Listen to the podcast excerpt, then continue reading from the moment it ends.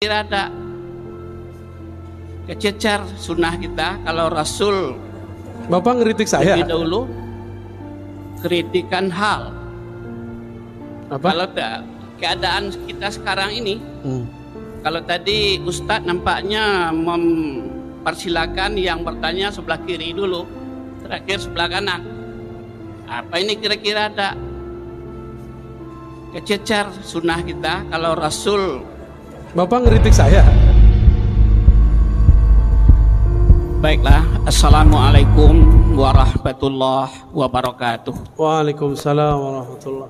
Nama saya Afdal A. Saad dari Solok, Sumatera Barat. Masya Allah. Jadi tinggal di siang ini kita tinggal di Solo apa di sini Pak? tinggal di Solok. Kita sama-sama tamu di Anur Hmm. siang ini. Terima kasih. Pertanyaan pertama, kenapa setahu saya di Riau dan Sumatera Barat tidak diminati tinggal oleh para habaib? Mereka lebih cenderung Pulau Jawa, Kalimantan. Hmm, Nah, ya. Ini supaya jemaah jangan salah memahami, tolong beri pencerahan dalam hal itu. Iya, iya. Yang kedua, Al-Quran cetakan Madinah yang dibagi-bagi kepada jemaah umrah. Saya juga dapat. Itu Bismillah. Biasanya kita mengenal lafat jalalah Allah itu di atas tanda tasydid itu barisnya berdiri. Jadi bacanya mat Allah. Kan? Tapi Al-Quran cetakan Madinah itu sudah miring aja, enggak enggak mat lagi. Jadi jemaah umrah banyak yang ragu ini. Ini bagaimana pencerahannya? Baik. Begitupun yang lain-lain. Makkah, Makkiyah, Madaniyah di sana tidak ada lagi. Informasi di awal surat, surat itu eh, berapa jumlah ayatnya dan berapa rekaknya. Bahkan reka itu sendiri pun di Al-Quran Madinah tidak ada lagi. Padahal itu batas ruku Nabi. Hmm, oke. Ya, Baik, baik. itu yang kedua. Yang ketiga, eh, maaf terlebih dahulu, kritikan hal. Apa? Kalau keadaan kita sekarang ini, Hmm. kalau tadi Ustadz nampaknya mempersilakan yang bertanya sebelah kiri dulu, terakhir sebelah kanan. Apa ini kira-kira ada kececer sunnah kita kalau Rasul Bapak ngeritik saya. Kritik pengurusnya, Pak. baik, Pak. Terima kasih, Pak. ya kalau pengurusnya Bapak serius amat soalnya. Ya, Ustadz juga harus mem- mem- membenarkan itu. Iya, Nah, iya. Jadi ini jadinya saya yang dapat posisi duduk sudah saya atur dari tadi Pak. Masya. Karena punya harapan saya yang pertama dulu. Tapi saya yang jadi penutup. Nah ini Baik, baik, mungkin baik. karena ya gitulah. Iya, ya iya. tiga Tangannya pertanyaan. kurang tinggi, Pak. Ya. Bagaimana Pak? Iya, iya, iya. Sudah? Terima kasih tiga pertanyaan siang ini. Assalamualaikum baik. warahmatullahi wabarakatuh. Salam warahmatullahi Jauh sekali Pak dari Solo.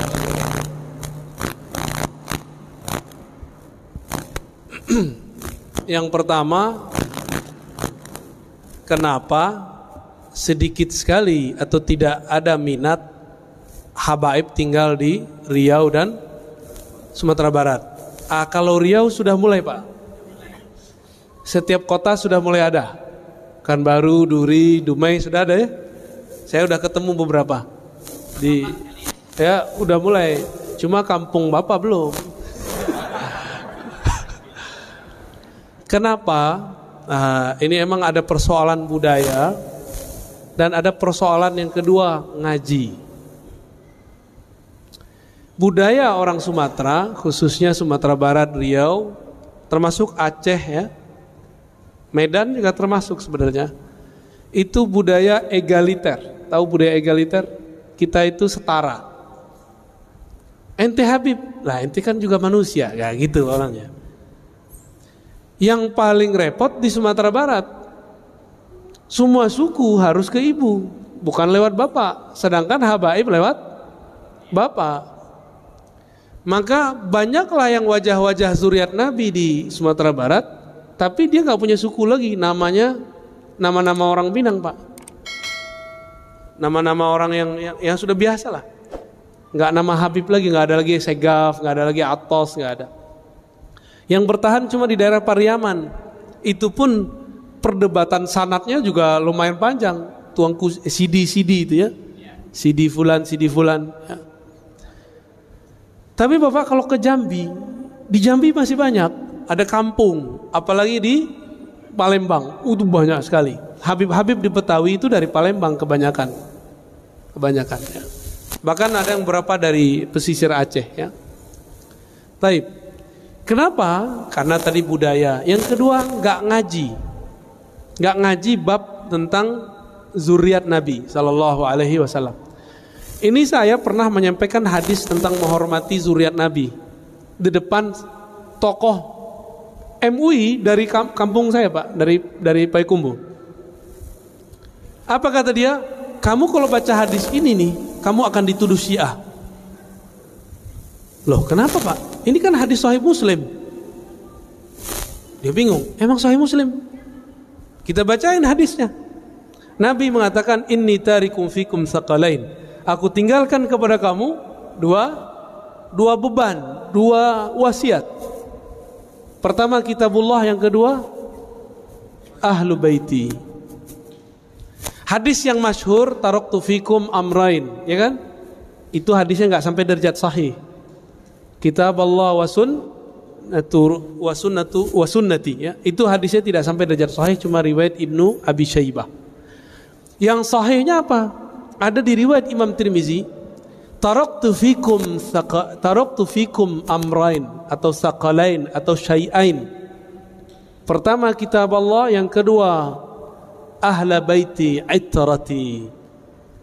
Giliran hadis begininya orang-orang yang ngaku Ustadz Sunnah nggak mau baca pak dia. Nggak mau dia baca. Aku tinggalkan bagi kalian dua wasiat. Pertama kitab Allah yang kedua terahku keturunanku ahlu baitku maka hadis ini mulai saya sebarkan. Silakan antum tuduh saya apa aja. Yang penting saya ikut Rasulullah Sallallahu Alaihi Wasallam. Maka cinta kita kepada ahlu bait beda dengan cintanya syiah kepada ahlu bait. Kita mencintai ahlu bait tanpa membenci sahabat dan istri-istri Nabi. Sedangkan syiah mencintai ahlu bait tapi membenci sebagian sahabat. Itu bedanya. Bagi saya ada dua keluarga Nabi ada keluarga nasab ada keluarga sahabat itu dianggap keluarga beliau dan beliau mengatakan aku dengan kalian seperti orang tua kepada anak-anaknya terjawab Pak budaya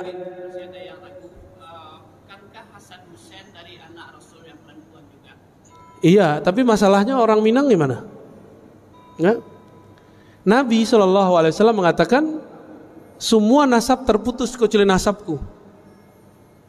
Maka khusus buat Nabi itu matrilineal dari Fatimah. Tapi setelah itu kembali ke kan bapaknya masih ahlu bait Abu Talib. Ya nggak ada masalah kok pak. Kalaupun anggap nih matrilineal emang nggak sah tuh nasab ke ibu? Berarti bapak batal sebagai orang Solo kan? Ya oke. okay. Ciri-ciri tentara dajjal di akhir zaman tidak percaya zuriat nabi Kenapa? Imam Mahdi itu zuriat Rasulullah SAW. Nanti dia muncul, ah nggak mungkin. Keturunan Nabi udah habis. Ada gak yang ngomong begitu? Dia nggak sadar ngomong begini itu udah ditandain sama Dajjal dia langsung. Wah ini panglima gua nih ya. Hati-hati pak. Hati-hati pak. Cinta ke keluarga Nabi, benci ke sahabat Nabi sama. Nabi juga nggak suka itu dimanfaatkan juga oleh Dajjal ntar ya. Yang kedua tentang Quran Madinah. Bapak kalau nggak suka pakai Quran cetakan kudus saja pak. ya, nggak usah dimasalahkan. Itu masalah tadi huruf segala macam itu ada ilmunya namanya rasam Usmani. Rasam Usmani itu ada mazhab-mazhabnya. Kalau tidak faham nggak usah dikritik. Ya, udah belajar belum rasam Usmani? nggak belajar ya udah aneh nggak usah kasih tahu Kenapa dalam huruf kita ya kita coba kita lihat Bismillah alifnya di depan nggak? Bener. Padahal aslinya ba ketemu alif, tapi alifnya ditaruh di depan. Itu ilmu rasam. Karena seorang ahli rasamnya dulu ahli tasawuf, dia mengerti ilmu hakikat bahwa alif tidak boleh didahului oleh ba. Tetap bacanya Bismillah bukan abismillah. Terus apalagi? Quran yang kita pakai di Indonesia itu dulu Rosom Ismaninya kebanyakan yang sudah berkembang di India. Jadi Quran yang ini nih Pak, ini pada pakai Quran ini kan kebanyakan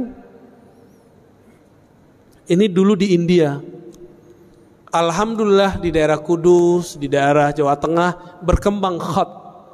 Santri-santri itu muda-muda itu mereka punya uh, hobi menulis Quran tulis tangan. Sampai sekarang masih ada.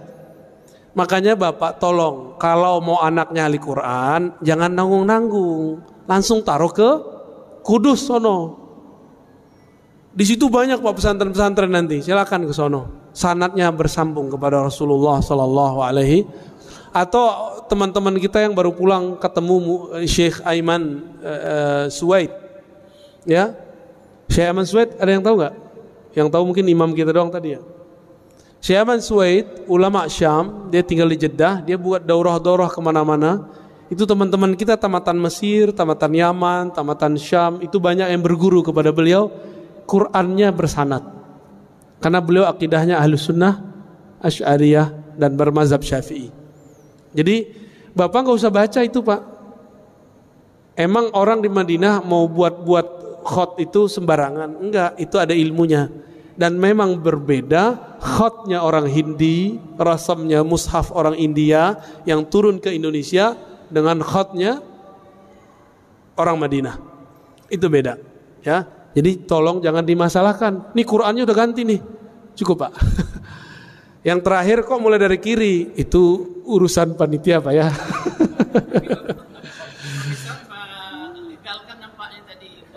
Loh, saya nggak ngelihat bapak kok.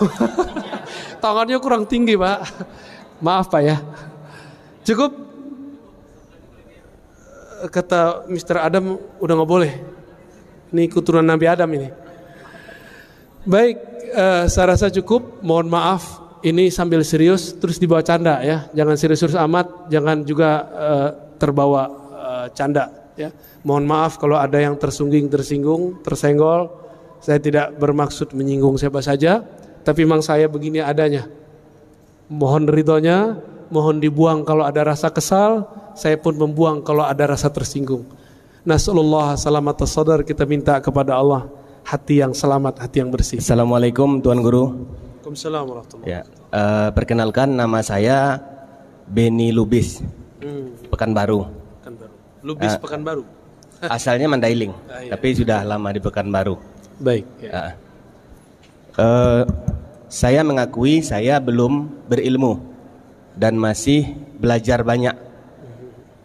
Pertanyaan saya yang sekarang viral ini, apakah Salafi atau Wahabi itu tidak ada yang benar atau sesuai dengan ajaran kita syariat Islam ataupun ahlus sunnah wal jamaah? Karena saya sering juga pergi mengikuti pengajian-pengajian di Pekanbaru ini dengan beberapa guru, bukan satu guru. Hmm. Dan yang saya temui itu guru bukan salafi. Dan beliau mengatakan salafi itu sebenar-benarnya benar. Kalau yang aslinya. Yeah, yeah. Oke. Okay. Nah, mohon nasihat buat saya. Baik. Supaya baik. saya tidak bimbang dalam kehidupan ini. Terima kasih. Assalamualaikum warahmatullahi wabarakatuh. Assalamualaikum warahmatullahi Saya panggil Pak Lubis saja ya.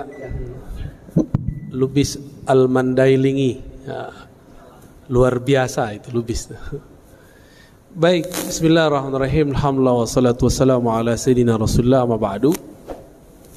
Apakah salafi itu tidak ada benar-benarnya? Itu pertanyaannya ya. Ya ada benarnya lah Pak. Masa nggak ada benarnya? Ya.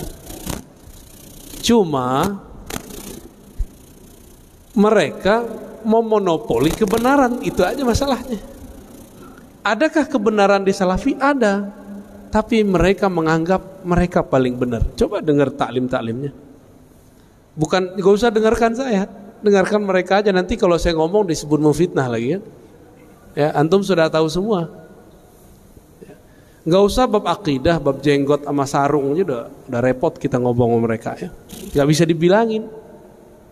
Udah kita bacakan hadis Sahih Bukhari hadis pertama kita bulibas bahwa Nabi Shallallahu Alaihi Wasallam sholat kusuf ya jurru saubah sarungnya di bawah mata kaki pakaiannya di bawah mata kaki.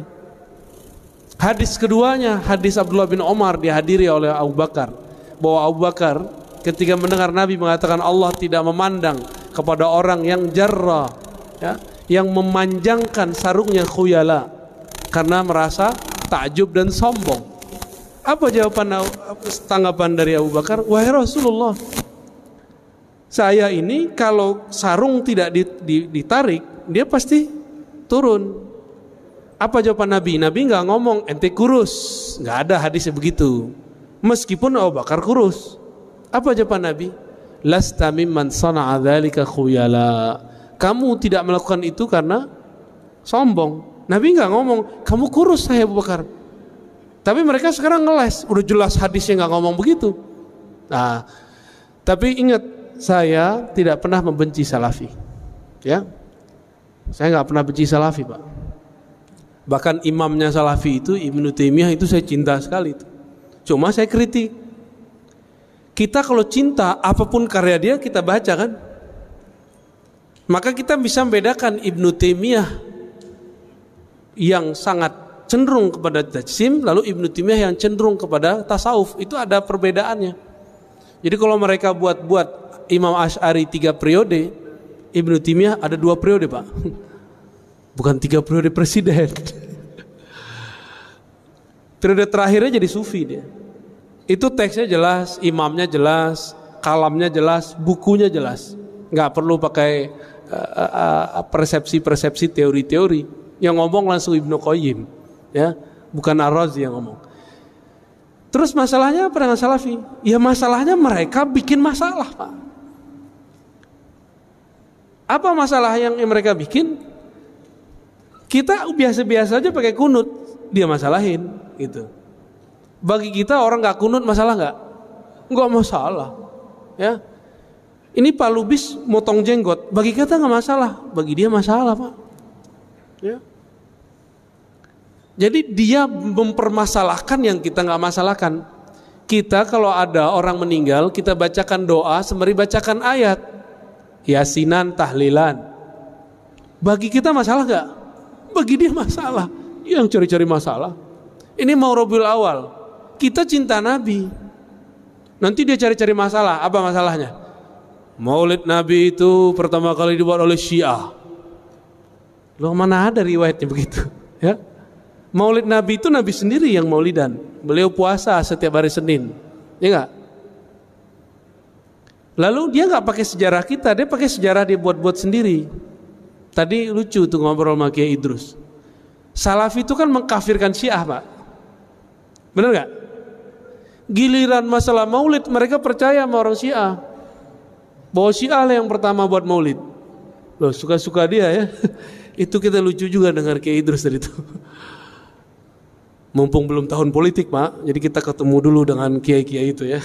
Ntar kalau udah tahun politik, aduh, kiai-kiainya ditarik-tarik ke politik, repot ntar. Mumpung masih adem setahun dua tahun inilah, ya. Gitu Pak Lubis ya. Jadi kita nggak pernah benci mereka, bahkan kita sayang kepada mereka. Saya punya teman-teman salafi yang baik. Ada Pak. Walaupun dia tahu perdebatan saya dengan tokoh-tokoh salafi itu dia tahu. Kalau ketemu kita sapa-sapaan, kita salam-salaman, satu soft, biasa. Berarti ada toh yang benar? Ya. Kalau banyak nggak Pak? ya. Bapak masih ingat di Kampar? Ya, itu aslinya begitu Pak. Aslinya begitu. Terus kita, kita masih mau diam. Apa kata dia? NU Muhammadiyah Jamaah Tabligh Andi tiga kali lo ngulang itu pak di sebelum pekan baru nih. Ya. Jamaah apa? Tabali. Iya. Itu aslinya dia ngomong begitu. Dia minta maaf nggak? Enggak. Untuk apa dia minta maaf? Bagi dia memang NU Muhammadiyah sesat. Karena NU Muhammadiyah berakidah halus sunnah asyariyah. Bedanya dalam fikih Muhammadiyah mutaakhirin belakangan tidak terikat satu mazhab, tapi tidak membatalkan mazhab. Prototipenya kan ada tuh Ustadz Adi Hidayat kan. Beliau kan nggak anti mazhab, ya kan? Nggak anti kan? Dan tidak membatalkan mazhab. Jangan-jangan beliau syafi'i juga kan, tapi syafi'i jalur yang mana gitu. Gitu Pak Lubis ya? Aman? Terjawab? Ya, kita biasakan husnuzon kepada siapa pun. Tapi kalau diajak kritik, ayo kita balas-balas. Dia hantam kita, dia batalkan kajian kita, masa kita diam Pak? Hak jawab kita ini disebut memfitnah sama dia. Ya suka-suka kamu lah ya, kata orang Jawa apa? Sekarapmu. ya lanjut. Silakan panitia di, di kondisi ini.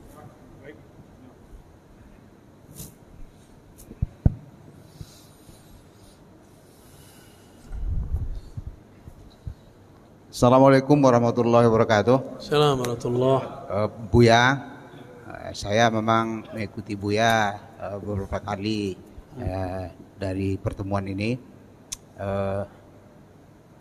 Kemarin di Masjid Ar-Rahman Buya bicara masalah tauhid. Tauhid itu yang terakhir adalah surat Al-Ikhlas. Buya katakan bahwa di surah Ikhlas itu eh, ada tauhid uluhiyah dan tauhid rububiyah. Allah Kul huwallahu ahad Allahu somad. Ahad itu uh, adalah uluhiyah, somad itu adalah uh, rububiyah. Maka di buku Buya Buya tulis itu nanti bukan rubu uh, uluhiyah tetapi adalah ahadiyah dan uh, Somadiyah. Somadiyah. Hmm. Tapi orang sebelah itu menambah. Dia tambah dengan asma wa sifat. Hmm. Ada lagi yang menambah itu dengan hukmiyah. Yeah. Jadi empat gitu. Apa itu sebenarnya mengkaji tauhid itu? Baik, ada, baik. ada uluhiyah, ada rububiyah hmm. dan asmaul sifat. Baik. Uh, itu dan di mana ini letaknya Bu ya? Terima baik, kasih. Baik. Assalamualaikum warahmatullahi wabarakatuh. Bagus Pak, Bapak mengikuti ya. Udah kayak mahasiswa nanya dosen.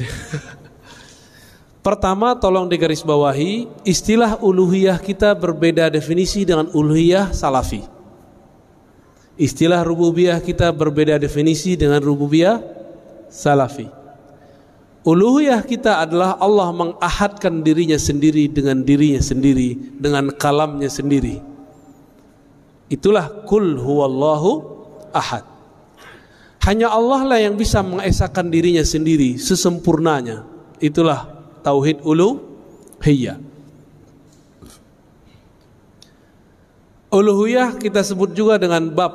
Jadi kalau ahli-ahli tasawuf nyebutnya ahadiyah. Tapi ahli akidah nyebutnya ulu uluhiyah.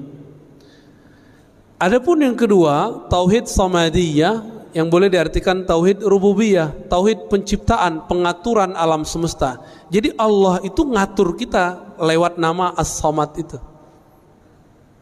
Dengan As-Samad itulah Allah menghidupkan satu rambut di tubuh.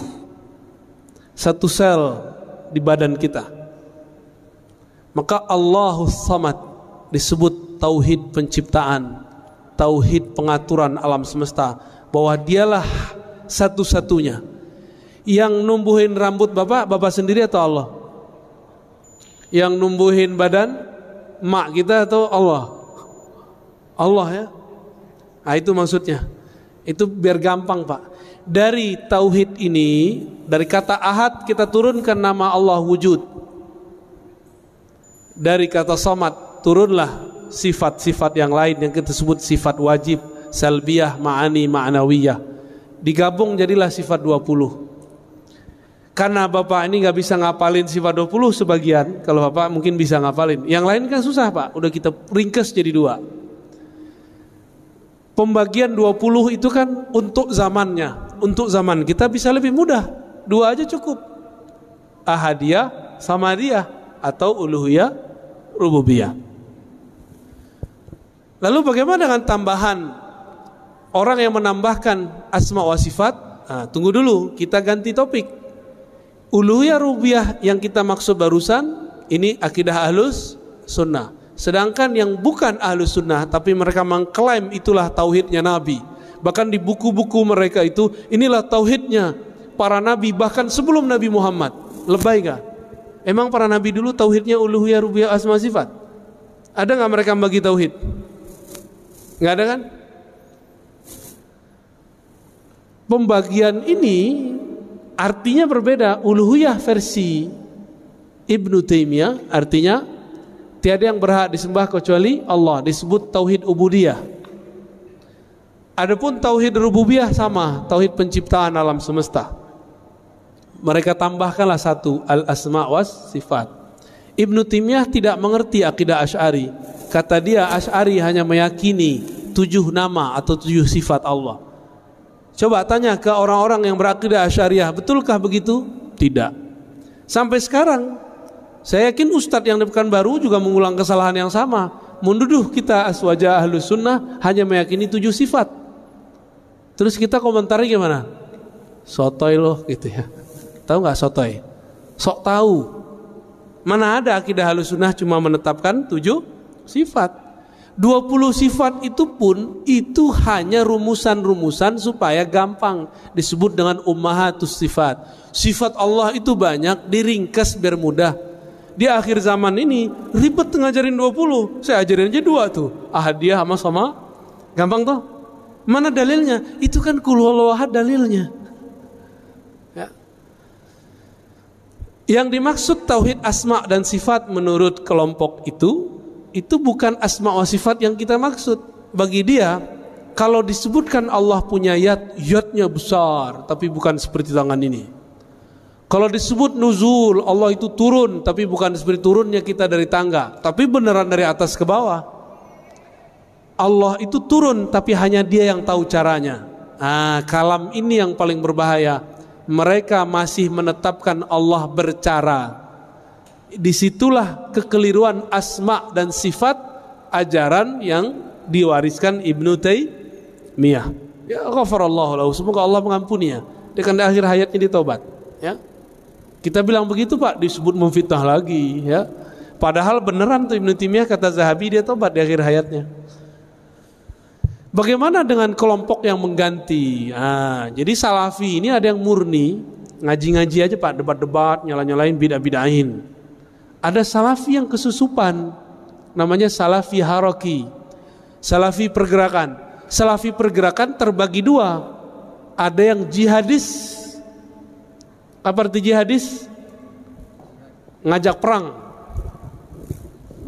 ISIS, dulu Al-Qaeda, kalau di Indonesia jamaah Islamiyah kali ya? Itu haroki apa haroki? Ji hadi ada yang kedua haroki siasi harokah tapi pergerakan politik. Maka mereka ada yang jadi partai A masuk ke partai B gitu. Apa akidah mereka uluhiyah rububiyah yang ketiga itu tauhid mulkiyah atau hukmiyah bahwa pemerintahan di alam semesta di dunia ini harus satu. Daulah Islamiyah. Ya bagus sih cita-cita daulah Islamiyah bagus nggak? Tapi kalau versi mereka saya nggak mau. Ya. Daulah Islamiyah yang kita tunggu itu daulah Islamiyah yang nanti akan di dibangkitkan oleh Al Imam Al Mahdi itu aja Pak nanti udah nggak ada lagi maka apa pun pergerakan orang hari ini buat negara Islam buat khilafah Islamiyah itu akan terhalang terus. Negara apa yang akan mengatakan kami akan menerapkan syariat Islam gak akan berhasil. Ada aja halangannya. Karena Allah tidak ridho kecuali untuk imam akhir zaman. Ini kan udah mulai banyak berita-berita nih. Nanti antum akan menilai ustadz cuma karena masalah politik. Tadi ada yang nanya di masjid apa tadi? Yang pagi-pagi, pagi-pagi. Tapi pas lagi makan, Ustadz ini kayaknya pro Jokowi nih. Kata dia, loh saya kan nyoblosnya Prabowo. Masalahnya Prabowo sekarang jadi menterinya Jokowi. Ini canda-canda kita pak. Kita tanya balik. Pertanyaannya disampaikan oleh bapak itu tuh, mana tadi? Eh, enggak datang dia. Apakah akidah alusunah batal karena pilihan politik? Saya nanya cuma gitu. Batal nggak pak? Hah? Iya? Iya? Gimana nih? Bingung mau iyanya. Batal apa enggak? Apa hubungannya bapak ini projo sama probo? Dengan alusunah apa hubungannya? Adakah dalam kitab-kitab ahlus sunnah, adakah dalam Al-Quran dan sunnah, kalau kamu projo, kamu nggak sah aswajanya. Kalau kamu probo, kamu aswaja beneran, ada nggak? Ini urat takut saya nggak ada pak, sorry ya. Ini kan beberapa kan takut ditinggal jamaahnya cuma karena masalah projo dan probo. Orang dekat saya itu dia nyoblosnya Jokowi pak. Tahu maksudnya orang dekat saya? ya, Shh, jangan bilang-bilang. Tapi kami biasa-biasa aja tuh. Karena dia ngerti, saya juga ngerti bahwa beda pilihan politik tidak berpengaruh kepada status akidah ahlus sunnah. Namun orang baru hijrah, orang lagi semangat beragama, dicuci otaknya oleh orang-orang yang ingin mainkan agama dalam kancah politik atau politik dalam kancah agama dibolak-balik itu cikal bakal khawarij yang menjadikan pilihan politik sebagai status keimanan. Siapa dulu yang mengkafirkan Sayyidina Ali? Khawarij. Cuma karena pilihan politik beliau menerima hasil diplomasi.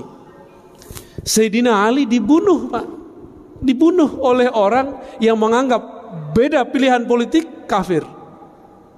Karena Ali berhukum dengan hukum selain Allah. Oh bisa begitu ntar. Nanti tambah parah ke sono. Tapi semoga yang hadir ini faham maksud saya. Jadi nanti kalau saya beda pilihan dengan Ustadz Zul Uzair. Mana ustadznya di sini nih? Dengan Uas, dengan Kiai Idrus. Itu nggak masalah Pak, nggak ada masalah. Cuma jamaah kan yang masalahin. Kami tahu cara berbeda. Nanti 2024 Bapak saksin aja, kami beda itu. Nggak ada masalah kok. Dia pro ke mana, saya pro ke mana. Boleh nggak? Boleh-boleh aja kan cara pandang politik itu bukan bagian dari agama. Cara pandang politik bukan bagian dari agama. Tapi prinsip politik ada dalam agama. Bisa bedain? Ustadz gak boleh pisahin politik dari agama. Politik yang mana dulu? Politik opini atau prinsip berpolitik? Prinsip berpolitik kita khutbahkan, kita dakwahkan. Tapi opini politik janganlah dikhutbahkan. Kasihan jamaah. Ya, kasihan umat. Umat kita ini sudah stres dengan corona ya. Udah, apalagi? Jadi itu akidah semi-semi khawarij, Pak. Cuma yang masuk ke wilayah siasah, siasah itu aman. Aman sementara, saya nggak tahu nanti. Jadi kalau ada pergerakan politik, tauhidnya uluhiyah rubiyah, asma wa sifat, terus dia ganti jadi hukmiyah atau sia-sia atau hakimiyah atau mulkiyah apa pun namanya, untuk sementara mereka masih aman. Tapi ke depan saya tidak tahu. Ya, wallahu a'lam. Ya. Apalagi? Assalamualaikum warahmatullahi wabarakatuh. Assalamualaikum. Nama saya Azmi Azmi Rozali. Tadi pagi hadir uh, subuh kemarin hadir di Masjid Masya. Allah. Eh, saya di khutbah tadi menangkap Ustadz memberi stigma tertentu negatif ke- kepada para pesantren hafiz adik-adik kita yang sedang berjuang untuk menghafal Al-Quran saat ini Ustaz. Oke. Dan itu hampir jatuh air mata saya mendengar hal itu disampaikan di khutbah. Hmm. Pertanyaan saya adalah eh, sebelumnya sebelumnya kalau itu diucapkan oleh eh, Presiden Amerika, kami sudah biasa, Ustaz. Saya sudah biasa. Kalau itu diucapkan oleh eh, apa kaum buzzer yang membenci Islam, kami juga sudah biasa, Ustaz. Ini yang sekarang yang ngomong saya. Tapi gitu kalau kan? sekarang dia Oke. bicara itu Ustaz memang agak ja- hampir jatuh air mata saya Ustaz mendengar Oke. itu. Jadi Kenapa Bapak jatuh air matanya? eh, Apa saya menyerang orang rumah tahfiz? iya Ustaz. Hmm, Bapak dari salah paham. dari Ya. khutbah itu yang saya tangkap Hmm. itu Ustadz memberi stigma negatif kepada baik. para uh, kelompok hafiz Al-Quran. Baik. Terima kasih. Assalamualaikum warahmatullahi wabarakatuh. Assalamualaikum warahmatullahi wabarakatuh. Bapak kira saya bukan orang rumah tahfiz. Saya orang rumah tahfiz juga, Pak. Bapak kira saya bukan penghafal Quran, saya penghafal Quran juga. Saya punya sanad Quran juga. Tapi baginda Nabi mengabarkan nanti di akhir zaman akan muncul khawarij yatluna ayatillah rotba. Mereka kalau baca ayat itu rapi.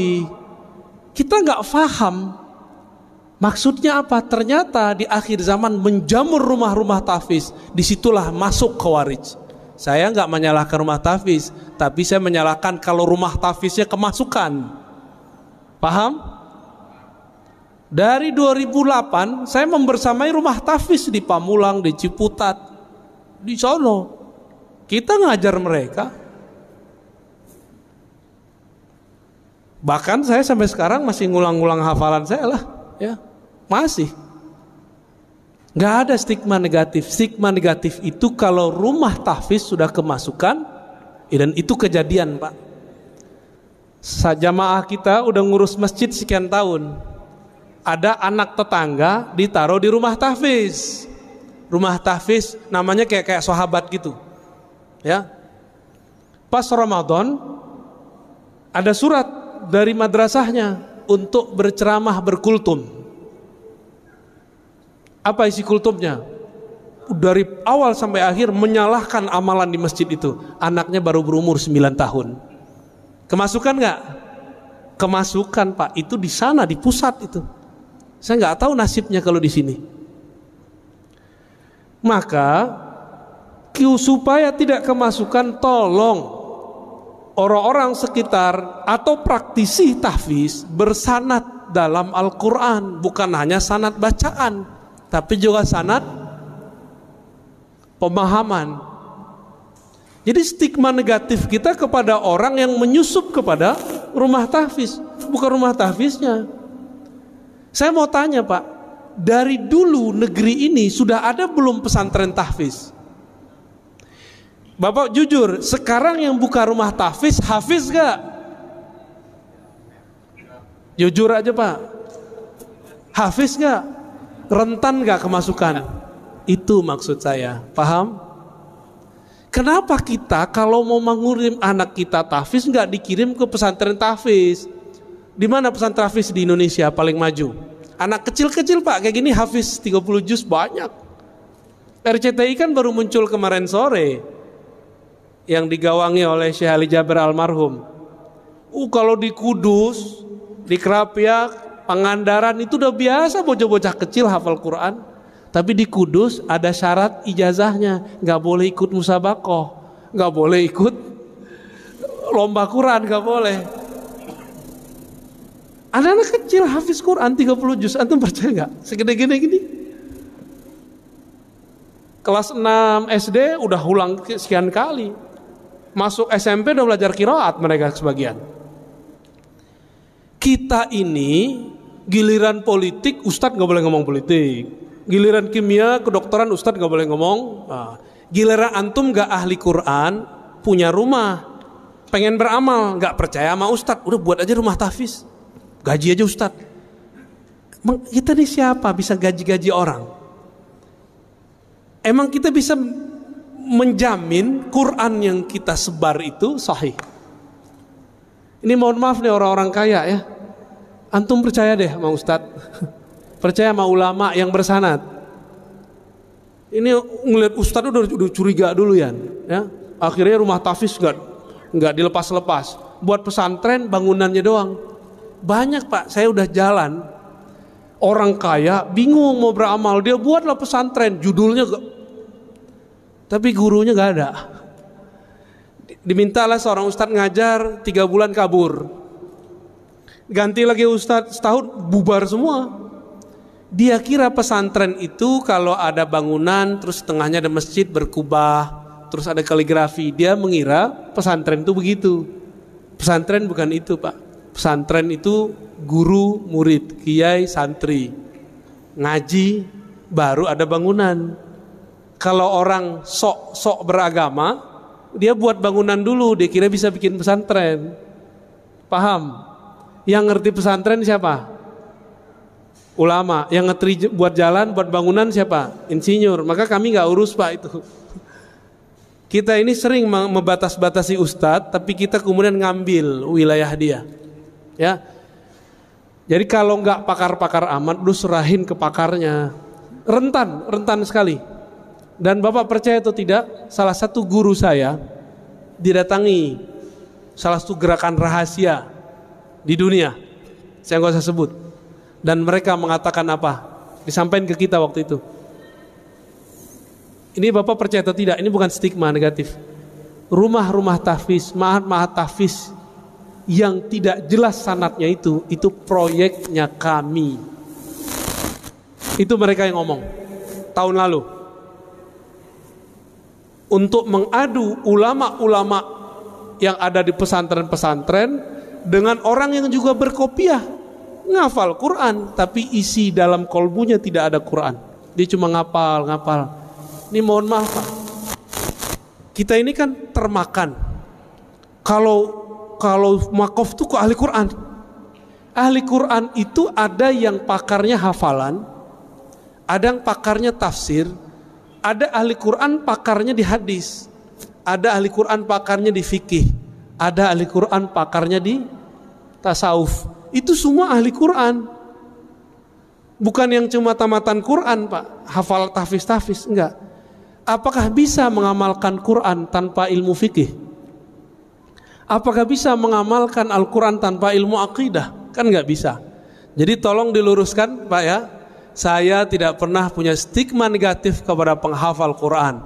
Saya cuma mengkhawatirkan jika rumah-rumah tahfiz dibuat oleh orang yang bukan ahli agama nanti kesusupan oleh kelompok khawarij. Itu aja, Pak. Ya. Ya. Oh, Bapak udah paham? Ah. Oke. Okay. Berarti Bapak sudah tahu titik-titik gelapnya di mana ya? ya. Cukup? Ada lagi? Terakhir ya? ya. Baik. Baiklah, Assalamualaikum warahmatullahi wabarakatuh. Waalaikumsalam warahmatullahi Nama saya Afdal A. Saad dari Solo, Sumatera Barat. Masya Allah. Jadi tinggal di siang ini kita tinggal di Solo apa di sini Pak? Tinggal di Solo. Kita sama-sama tamu di Anur. Hmm. Siang ini. Terima kasih.